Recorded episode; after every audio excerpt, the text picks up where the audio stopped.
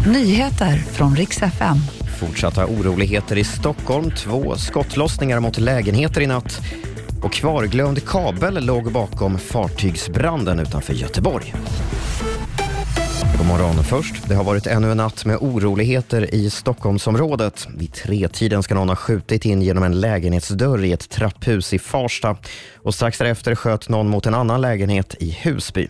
Ingen person ska ha skadats i samband med de här dåden och ingen har heller gripits. Så ska jag berätta att Nya Zeelands premiärminister Jacinda Ardern avgår. Ett besked som hon lämnade med tårar i ögonen och som sägs vara mycket oväntat. Ardern har varit populär som ledare och vann en jordskredsseger i det senaste valet. Men hon säger att hon inte har tillräckligt med bränsle för att jobba vidare och att hon därför slutar senast den 7 februari efter fem och ett halvt år vid makten. Och sist ska det handla om branden på fraktfartyget Almirante Storni utanför Göteborg för drygt ett år sedan.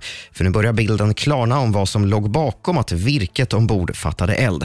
Enligt Statens haverikommission var det sannolikt en förlängningskabel som glömts kvar inkopplad som antände lasten. Över en vecka tog det att släcka branden och haverikommissionen säger också att det finns viktiga lärdomar att dra av släckningsarbetet. Och det var de senaste nyheterna med Robin Kalmegård.